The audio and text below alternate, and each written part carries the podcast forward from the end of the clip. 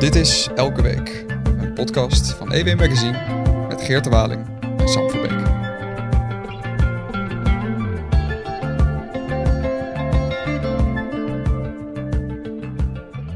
Geert de Waling, terug van weer geweest. Sam Verbeek, ik heb je gemist. Jij was in de Champagne, was daar net zo nat als het hier was? Het was, ja zeker, ik was van plan om daar eh, in de buurt van, uh, van Rijms uh, in de Champagne lekker uh, een ruime week gezellig vakantie te vieren. Maar uiteindelijk ben ik toch maar afgezakt naar het zuiden, meer richting de Côte de Rhône.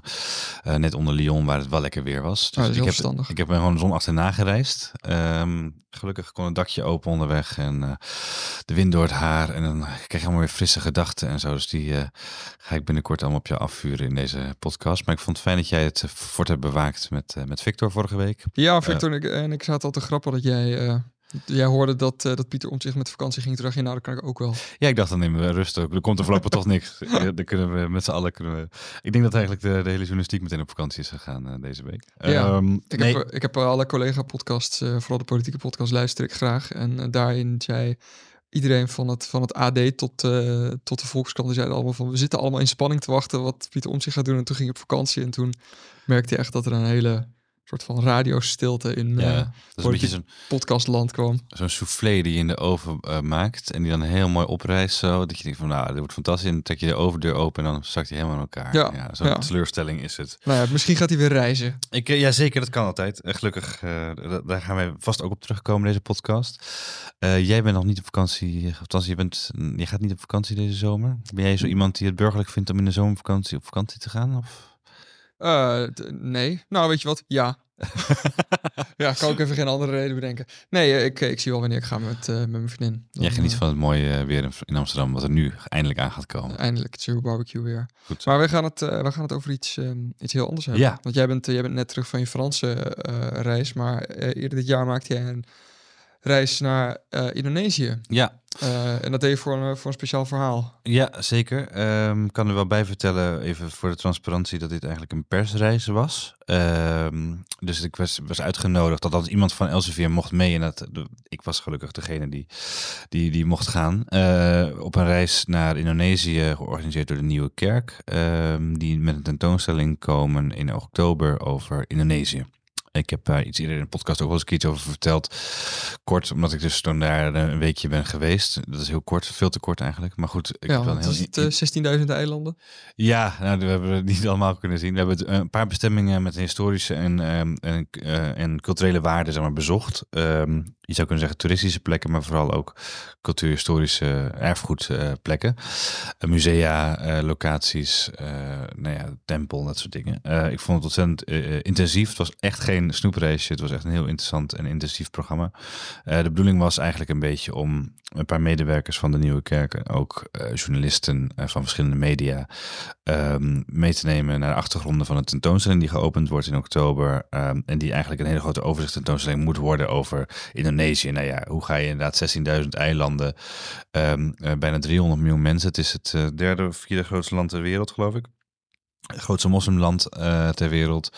een enorme, ja, eigenlijk een kleine supermacht in opkomst in Azië. met natuurlijk een hele lange, veelzijdige geschiedenis. Niet alleen de Nederlandse bezetting en de door de VOC meegenomen VOC-mentaliteit en christendom, maar ook de islam die daar al veel langer is, hindoeïsme, boeddhisme, daar al duizenden jaren um, beschavingen zijn. En die, de, de, daar, daar één tentoonstelling van maken in de Nieuwe Kerk op de Dam in Amsterdam is natuurlijk best wel aanmatigend. maar um, ik ben heel benieuwd hoe ze het nu uiteindelijk gaan doen begin september. Dus, ja, ga het in, in, deze podcast misschien wat vaker terug gaan komen op het aanmatigende. Ja. Um, want die, die, die, die tentoonstelling die gaat niet alleen over, wat wil dan even tussen aanhalings tekens uh, zeg het, het, het, verbonden verleden van Nederland en, ja. en Indonesië. Het gaat, of gaat echt meer over Indonesië als eigenstaand. Nee, het gaat, gaat, gaat, echt over Indonesië als, uh, als land, als gebied moet je eigenlijk zeggen. Want Indonesië als land is nog heel jong, bestaat maar sinds 1945. Als natie. Dus er wordt nu door Nederland ook eindelijk erkend als 1945. Voorheen dachten we 1949, hè, op het moment dat Nederland de, ja. de onafhankelijkheid erkende. Maar dat is nu 17 augustus. De regering heeft nu 17 augustus 45 als datum uh, gepakt. Um, ook reden om er nu deze week uh, voor ons hier in deze podcast aandacht aan te besteden. Want het is weer de jaarlijkse herdenking van 15 augustus, de van Japan. uh, voor veel Nederlands-Indische mensen een hele belangrijke en emotionele datum. Omdat toen de, de onderdrukking uh, van Japan ophield in, uh, in Nederlands-Indië. En 17 augustus, twee dagen later, de voorlezen van de onafhankelijkheidsverklaring van Sukarno. De leider van de opstand tegen de Nederlandse koloniale gezag. En, die, en, dus dat is eigenlijk de onafhankelijkheidsdag van Indonesië, zou je kunnen zeggen. Dus rond 15, 17 augustus wordt er elk jaar eigenlijk zijn er herdenkingen en wordt er ook weer veel gepraat over het verleden en komen ook de pijnlijke kanten naar voren. Dus daarom dacht ik in, in aanloop naar die tentoonstelling van oktober, waar we zeker ook in Elsevier nog wel aandacht aan zullen besteden, Um, uh, niet omdat ik zo'n mooie reis heb gemaakt, maar omdat daar gewoon, dat is denk ik ook interessant wat voor objecten daar nou in te zien zullen zijn. Daar komen we nog wel een keer op terug. Maar um, dat zijn dus hele oude kunstschatten en ook hele nieuwe uh, uh, expressies van nog levende kunstenaars ook. installaties of kunstwerken, schilderijen van nog levende kunst, kunstenaars. Dus dat wordt heel interessant. Maar ik dacht rond 15, 17 augustus is het ook goed om daar eens even langer bij stil te staan. Dus ik heb een artikel in het blad van deze week, EW Magazine, koop het allemaal. Um, dan gaat veel meer over het verbonden verleden. Ja, en het, uh, ik dacht altijd dat het heette gedeeld verleden. En op die reis in Indonesië hoorde ik een paar Indonesiërs zeggen... nou, wij hebben het liever over connected history in plaats van uh, shared history. Hè? Dus uh, oh, ja. een verbonden verleden. omdat het niet, dat snap ik ook wel, vanuit de positie van de voormalige gekoloniseerden... is het best wel lastig om te hebben over een gedeeld verleden... alsof je op gelijke, waarde, gelijke niveau, gelijke, ja. gelijke voet met elkaar dezelfde leuke historische herinneringen deelt. Ja, want je bent natuurlijk zelf, eh, zelf historicus. Ja. Ik bedoel, eh, jij ging natuurlijk uh, vast vanuit jouw, jouw Hollandse bril uh, reis je af naar, naar Indonesië. Hoe, ja. hoe is, die, hoe is zo'n reis dan um, dan voor jou bevallen? Hoe eh, heeft het jou op een andere manier naar het land doen kijken? Nou, wat ik, waar ik echt van de indruk was, wat je natuurlijk wel op afstand allemaal kunt weten als je het land goed volgt. En uh, ik moet zeggen dat ik dat uh, pas heel recent ben, een beetje wat beter ben gaan doen. Maar ook, wat meer ben gaan verdiepen in dat heel van de geschiedenis. Want als historicus heb ik daar altijd, behalve de basale kennis over het Nederlands koloniale verleden en de VOC en de dekolonisatie, wat wij heel lang politionele acties noemden, hè, de oorlogen en de grote bloedbaden die zijn aangericht uh, van, van, van verschillende kanten overigens. Komen we zo nog even op, denk ik. Mm. Um, heb ik dat niet zoveel verstand van. Maar ik was vooral heel erg benieuwd naar wat is nou het historisch bewustzijn van Indonesiërs. En ik kwam tijdens die reis uh, te spreken met, uh, met Bonnie Triana. Dat is een um, man van uh, in, de, in de 40. Die is hoofdredacteur van Historia. Dat is een soort historisch nieuwsblad, maar dan in Indonesië. Hij en, was ook. en digitaal. Hij was ook, wat is het? begin 2022 was hij in Nederland in het nieuws door een ja. stuk wat hij in het NRC schreef over de tentoonstelling in het Rijksmuseum toen. Ja, Revolutie heette de tentoonstelling en hij was eigenlijk gastcurator. Dus hij, deed, hij was mede samensteller. Uh, hij heeft heel veel samenwerking met Nederlandse musea, universiteiten, instellingen. Uh, doet hij al jarenlang, uh, Bonnie Triana. En hij was ook gastcurator van die revolutietentoonstelling. En toen heeft hij een artikel geschreven dat hij vond dat de term Bersiap niet gebruikt moest worden in die tentoonstelling. Omdat die term werd gebruikt om een periode aan te duiden, namelijk de, het geweld dat is gepleegd tegen de Nederlanders in Indië of in Indonesië, net na de onafhankelijkheid. Ehm, ja. En, en dat is dus in die jaren geweest. Hè? Dus de beroemde uh, uh, ja, slagpartijen, uh, dat mensen zelfs, ook al zaten ze in de oorlog in een jappenkamp, dat ze in hetzelfde jappenkamp moesten zitten voor hun eigen veiligheid na de oorlog. Misschien kunnen we het heel even een klein beetje uitzoomen, want um, Misschien is het voor jou iets, iets bekender, maar uh, nee, Bersiap, is. Uh, ik, moest, ik moest er even opzoeken. Het was en ik vind het overigens. Uh, je merkt meteen dat, dat, um, dat woorden in verschillende culturen voor verschillende mensen iets heel anders kunnen betekenen. Dus ik vond het al een heel ingewikkelde term om precies de opheffen überhaupt te begrijpen. Maar het betekent geef acht of sta paraat in het Maleisisch. Ja, Maleisisch. Of het, ja. En het was en het, het, het, het het gaat over het geweld tussen, of van de Indonesische nationalisten tegenover de Nederlanders, Nederlands-Indische, Molukkers, ja. Chinezen en ik geloof ook nog christenen. Uh, ja, dat, dat de christelijke Indonesiërs denk ik ook inderdaad. Het was in ieder geval een, een stroom van geweld, niet alleen tegen de blanke Nederlanders, maar tegen eigenlijk uh, veel, uh, ook tegen bijvoorbeeld lokale um, um, aristocraten die nogal hadden, hadden gehuld met de Nederlandse Die, ja, gezag. Die, die gewoon verbonden waren aan het... ja, of die werden geassocieerd met het Nederlandse koloniaal gezag, waartegen gestreden werd. Ehm, het waren behoorlijke lynchpartijen, echt hele heftige dingen zijn daar gebeurd. daarom zei ik ook al, van, van beide kanten zijn er echt hele, hele heftige dingen gebeurd daar in die, in die jaren na vijf, vanaf 45. En even over, over de, zo van hoe wat het qua geschiedschrijving ingewikkeld maakt in uh, de meer westerse uh, geschiedenisboeken wordt het aangeduid als misschien wel racistisch geweld, ja. omdat het van Indonesische nationalisten tegenover uh, ja. Molukker Chinese Nederlanders en Indische Nederlanders was. En wat was dan precies Bonnie Triana's bezwaar? Nou, hij zei daarmee, uh, als je dat in Nederland, uh, zoals het in het Rijksmuseum wordt gepresenteerd, zoals vaak ook in Nederland speelt, is het een term die gebruikt wordt door Indische Nederlanders, die dus uh, daarmee eigenlijk het geweld tegen hen, tegen hun voorouders, uh, bedoelen. Uh, uh, en dan alsof het dus anti-blank geweld zou zijn. Een soort, en alsof dan de wilde Indonesiër, de wilde inboorling, in, zeg maar bloedig, bloeddorstig in opstand kwam tegen de voormalige blanke overheersers. Dat is een beetje wat hij daarin leest. Hij zegt dat is een racistisch frame, dat moet je loslaten. Ik snapte wel, het is een wat ingewikkeld stuk. Ik heb het nog eens teruggelezen. Het is van anderhalf jaar geleden. Het is leuk om met hem over te praten, want het heeft heel veel opge, ophef op veroorzaakt. Federatie Indische Nederlanders heeft ook uh, aangifte gedaan tegen hem. En uh, ja. dat is allemaal heel ingewikkeld. Terwijl het gewoon een debat was over, moet je zo'n woord gebruiken? Het Rijksmuseum wilde het aanvankelijk zelfs als naam van een zaal gebruiken. Van dit is de periode Bersiap. Nou, dat hebben ze toen niet gedaan. Ze hebben toen, maar kan je nagaan hoe ver je dan nog uit elkaar stond. Ja, uh, mede, een historicus en een... Ja. ja. En mede door die discussie. En Bonnie is, een, is, vind ik ook als historicus leuk, want hij durft tenminste wat te zeggen. Heel veel historici durven het debat niet aan. Ja, die zijn heel braaf. Die, die verdampen in nuance. Ja, en hij, hij durft gewoon stelling te nemen. En zelfs ook tegen, het eigen, tegen zijn eigen museumcollectie of uh, expositie van, nou, gewoon een brief in de NRC vertaald naar het Nederlands. In jouw stuk staat ook dat Bonnie die zegt, of sorry, meneer Triana, die, ja, ja. die zegt, um, dat was helemaal niet racistisch geweld. Dit waren de um, excessen van een sociale revolutie. Zoals Ja. je die ook ziet in andere revoluties. Ja, zo ziet hij dat eh, heel sterk. Hij is ook wat iets, eh, moet ik zeggen, ook wat meer, het toont wat meer begrip voor de kant van Sukarno en de, de anti-koloniale strijd. Daar heeft hij duidelijk ook stellingen in ingenomen. Je zou kunnen zeggen dat hij wat dat betreft ook een wat meer links georiënteerde historicus is. Ehm, eh, en dat is, eh, is, hè, dat soort landen is bijvoorbeeld ook het communisme, is dan een soort antikoloniale ideologie die wordt aangehangen. Eh, en ik heb daar best wel tot op zekere hoogte wel begrip voor in de context van Indonesië. Ehm, waar ik dat in Nederland eigenlijk veel minder zou hebben bij historici die het communisme willen pre- pre- prediken.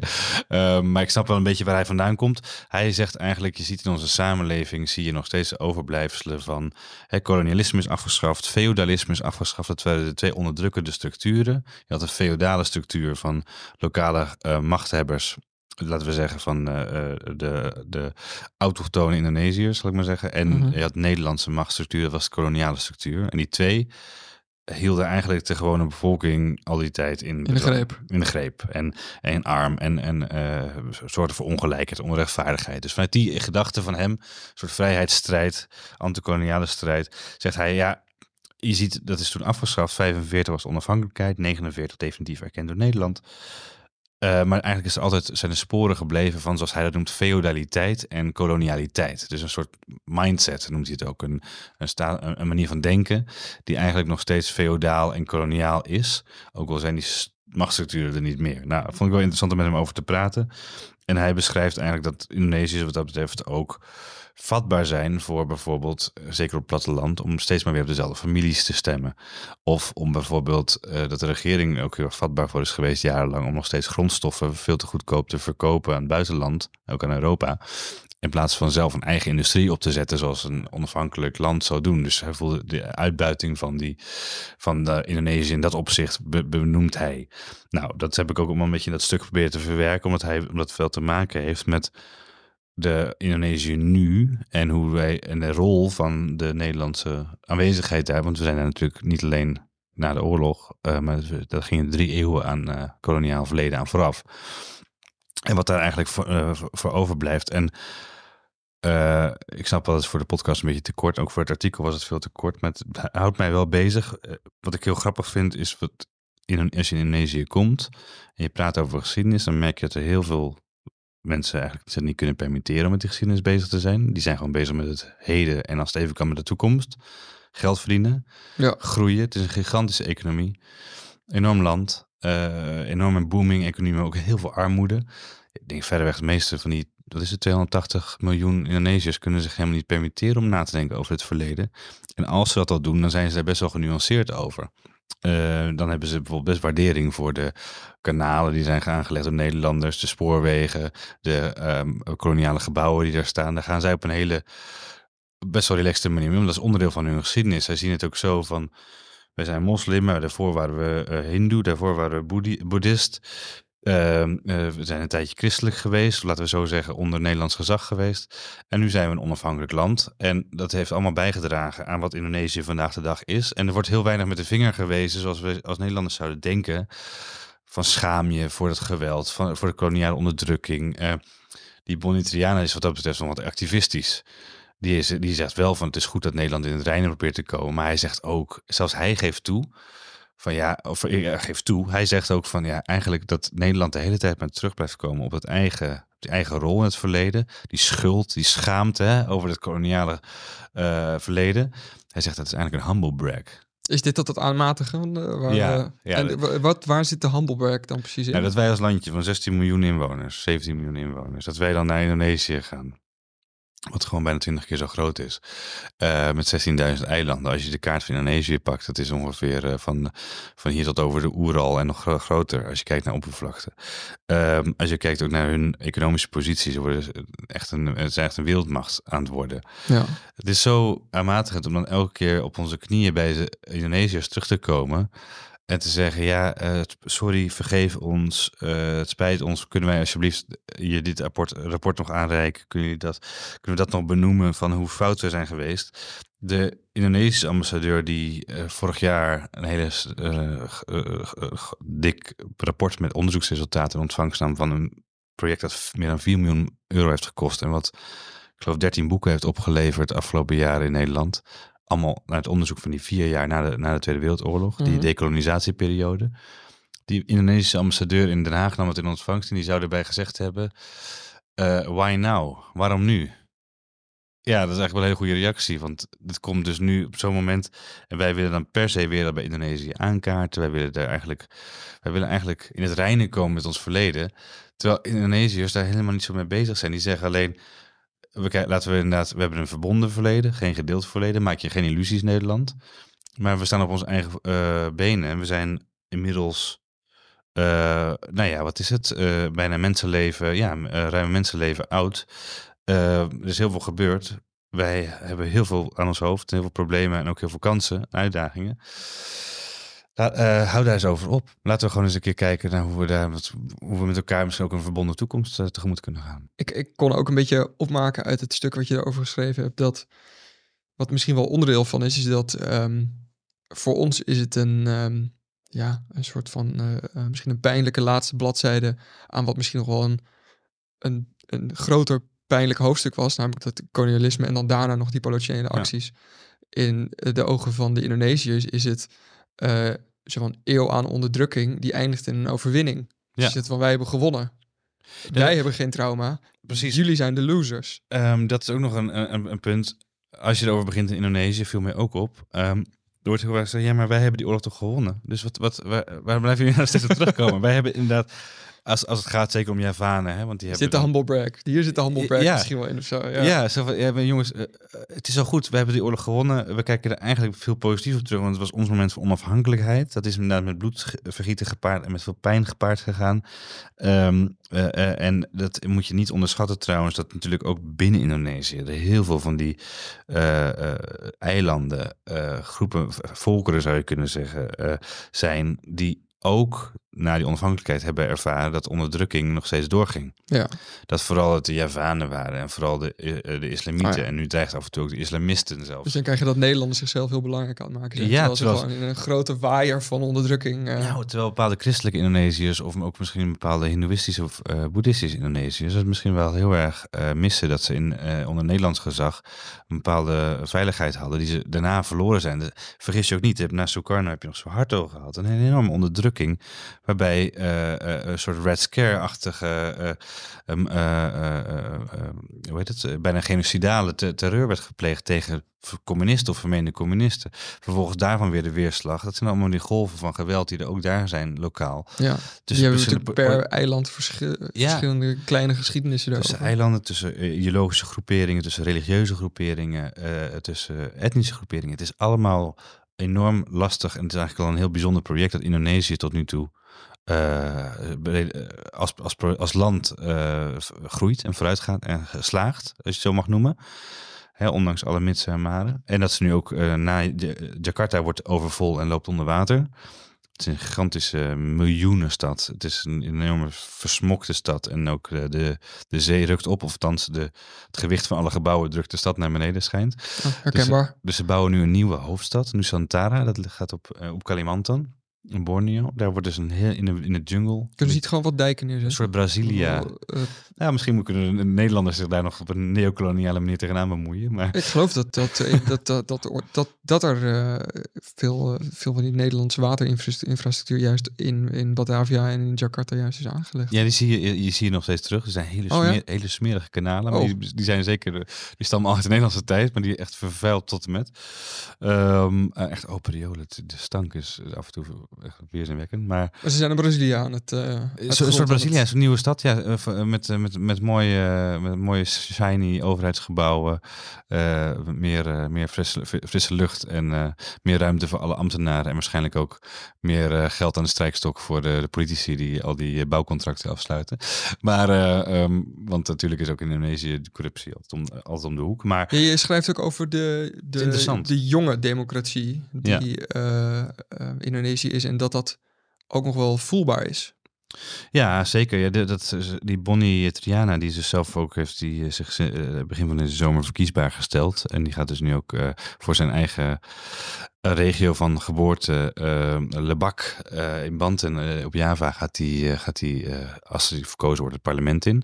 Voor de partij van de dochter van Su- Sukarno. Mevrouw Sukarno Putri, die heeft eh, 20 jaar, 25 jaar geleden een partij opgericht. En daar gaat hij voor eh, eh, op de lijst, op de verkieslijst.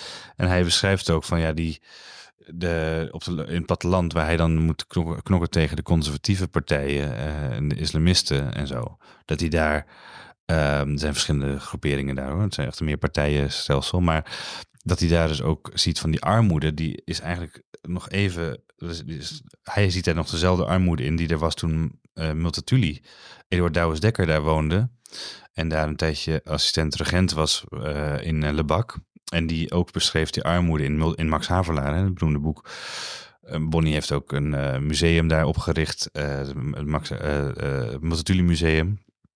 En dat is echt, echt, hij ziet in die armoede van die mensen die eigenlijk dus continu ook eh, worden voorgelogen en bedrogen door zo'n feodale machtsstructuur van families. En nog steeds, ook al is het een democratie, stemmen zij dus steeds weer op die families. Ehm, en die blijven dan steeds weer aan de macht, schuiven elkaar weer baantjes en geld toe. En intussen blijft de grote bevolking blijft arm. En hij zegt dat zijn eigenlijk de traditional voters. Je hebt in de stad heb je de rational voters, die maken een keuze op basis van ideologie. En de traditional voters die gaan gewoon elke keer weer eh, stemmen op dezelfde families. Ook omdat ze daar dan de presentjes van krijgen om tegen de tijd dat de verkiezingen komen en zo. Dus je ziet eigenlijk een jonge democratie in worsteling eh, nog steeds heel erg. eh, ja, jong is het niet echt meer, eh, 78 jaar later.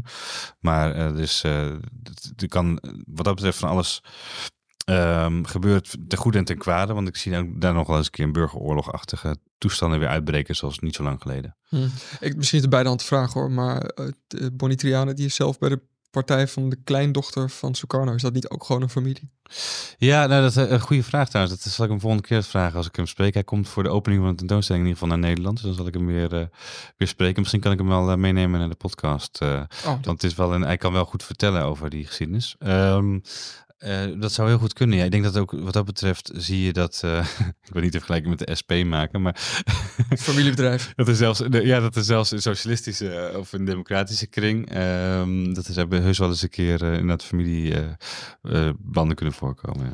Nu um, is um, komende week ook de, de herdenking van de onafhankelijkheid van Indonesië. Nou, we weten dat herdenken heel ingewikkeld is. Het is ja. eigenlijk bij ons is het elk jaar raak met met, uh, met 4 en 5 mei. Ja. Uh, en uh, nu is um, de burgemeester van Amsterdam, Femke Halsema, die is onlangs in het nieuws gekomen omdat zij zou spreken bij de herdenking op de Dam. Ja.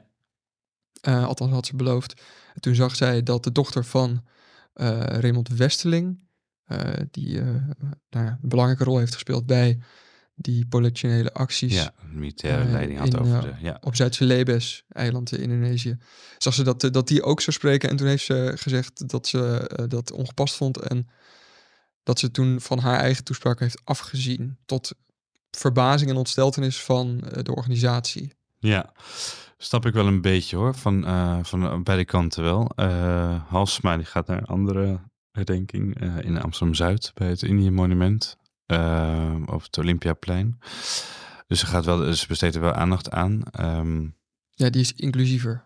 Ja, dat is dus, gaat over dus, meer dan alleen. Dat is precies de vraag. Dus inderdaad, er wordt dus ook de hele, hele tijd de, de officiële herdenking is eigenlijk in Den Haag, de nationale herdenking, uh, bij het Indië Monument. Um, daar schrijf ik in mijn artikel ook wat uh, over. Um, en dat is eigenlijk ook, uh, ook daar is de hele tijd dus gedoe over. Omdat Nederlandse Indiërs, zoals de Federatie Indische Nederlanders, die we verdedigen die herdenking. Die moet, die moet precies blijven zoals die was. Vorig jaar nog hebben ze gedreigd met een kort geding omdat de Indonesische ambassadeur een te prominente rol zou krijgen bij de kranslegging. Ja, in principe komt, dus- komt eigenlijk bij, bij die discussie die er nu is, komt ook alles weer samen met uh, dat conflict waar Bonnie Triana en die tentoonstelling. Want wat voor mij zo moeilijk was eh, om te begrijpen als iemand die zich hier eigenlijk doorgaans niet zoveel mee bezighoudt, is dat het, er zijn natuurlijk een heleboel uh, mensen uit Indonesië zijn later naar Nederland gekomen, omdat die ook Indonesië ontvlucht zijn ja. voor het geweld wat daar was. Dus die kijken soms naar die politiële acties tegen die, die toch ook veel bezig waren met het Bershap geweld tegenhouden als Onder andere eigenlijk orde en gezag herstellen. Ja, hè? Als, als iets noodzakelijks. Ja. En, en de, die dochter van, van uh, uh, die Westeling, die, uh, de, ja, daar is, is in Nederland, voor, voor Indische Nederlanders, is daar groot respect voor. Ja. Dus het is, ja, ik denk is altijd moeilijk, maar nu, nu zijn er nog meer ja. kampen. Ik vind het heel lastig als historicus helemaal omdat ik als het gewend ben om met 19e eeuwse geschiedenis bezig te zijn bijvoorbeeld of, of la, verder terug in de tijd en dan heb je eigenlijk veel minder van dat soort hele gevoelige onderwerpen waarbij er nog mensen in leven zijn.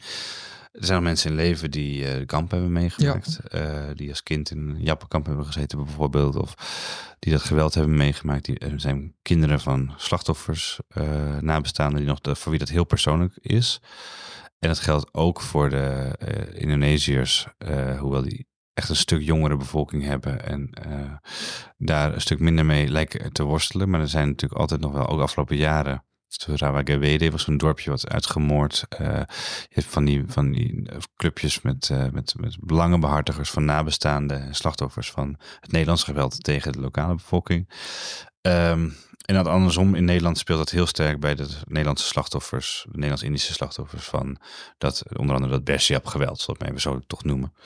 Ja, en dat is, dat drijft de boel zo op het spits dat het niet echt een, um, een verzoening mogelijk lijkt te zijn. En aan de andere kant krijg je ook dat er inderdaad, je zegt inclusiever, die andere denkingen, in Rotterdam en in Amsterdam en op andere plekken wordt er dan geprobeerd om een herdenking te houden die eigenlijk herdenkt de slachtoffers van het Nederlands geweld. En dat was niet de bedoeling van die 15 augustus, of de 17 augustus. is ook weer aanmatigend. Nee, 15 augustus denk ik, sorry. Dus het einde van de, dus de Japanse capitulatie betekende voor heel veel Nederlandse Indiërs uh, het einde van de Jappenkamp, het einde van de gigantische gewelddadige onderdrukking door de Japanse bezetter uh, in wat toen een onderdeel was van het Nederlands Koninkrijk. Ja. En laten we wel even, even, laten we wel wezen, daar was het gezag weggevallen door de Japanse bezetting, die vervolgens ophield.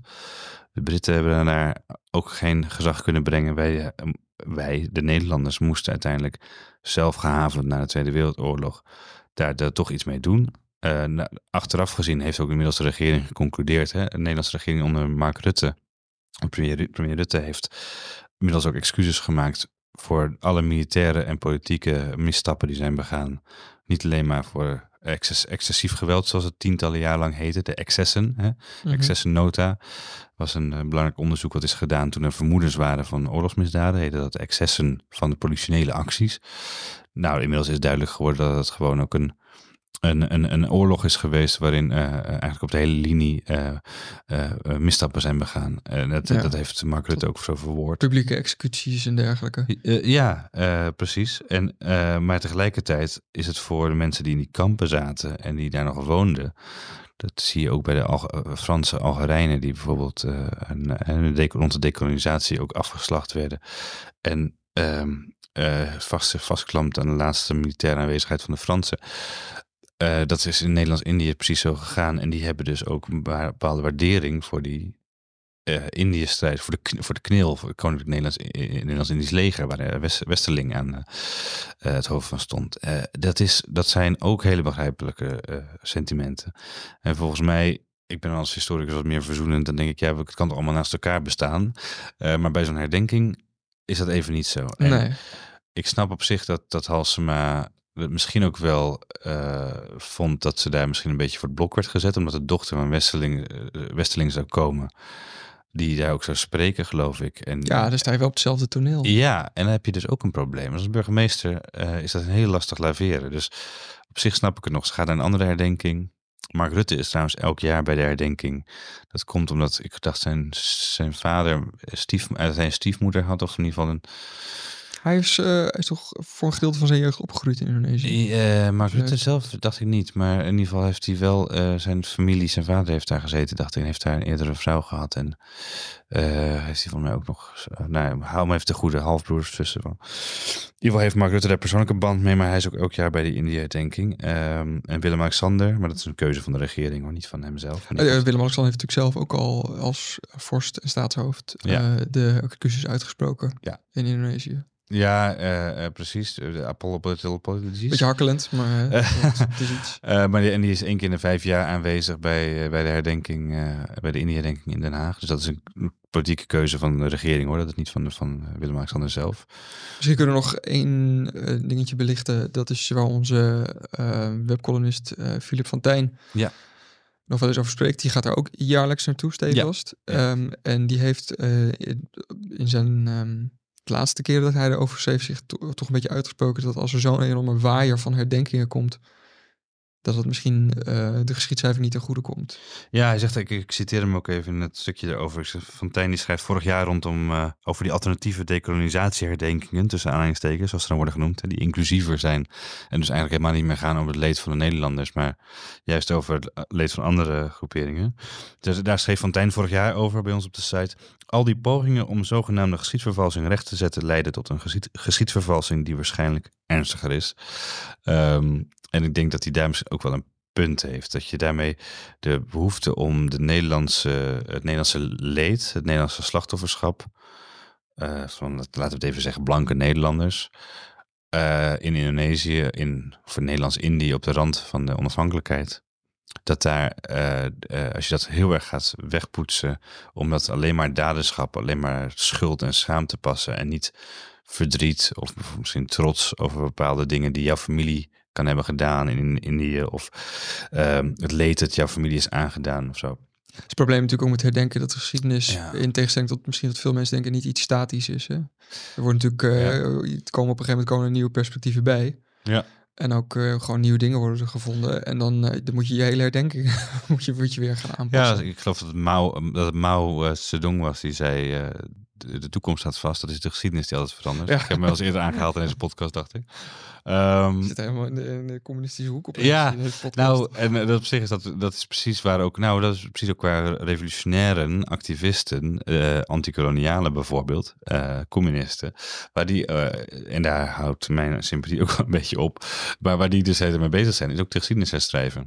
En daarvan zeg ik als historicus, en gelukkig heb ik het idee dat die Bonitriana ook uh, liever een breed, brede interpretatie van geschiedenis heeft dan alleen dat activistische hoor. Maar dat ik als zelf als historicus zou denken, dat pas op dat je niet uh, de geschiedenis uh, zo erg in je politieke straatje gaat vegen dat, dat je verder eh, andere verhalen verstomt of eh, ehm, eh, uitsluit.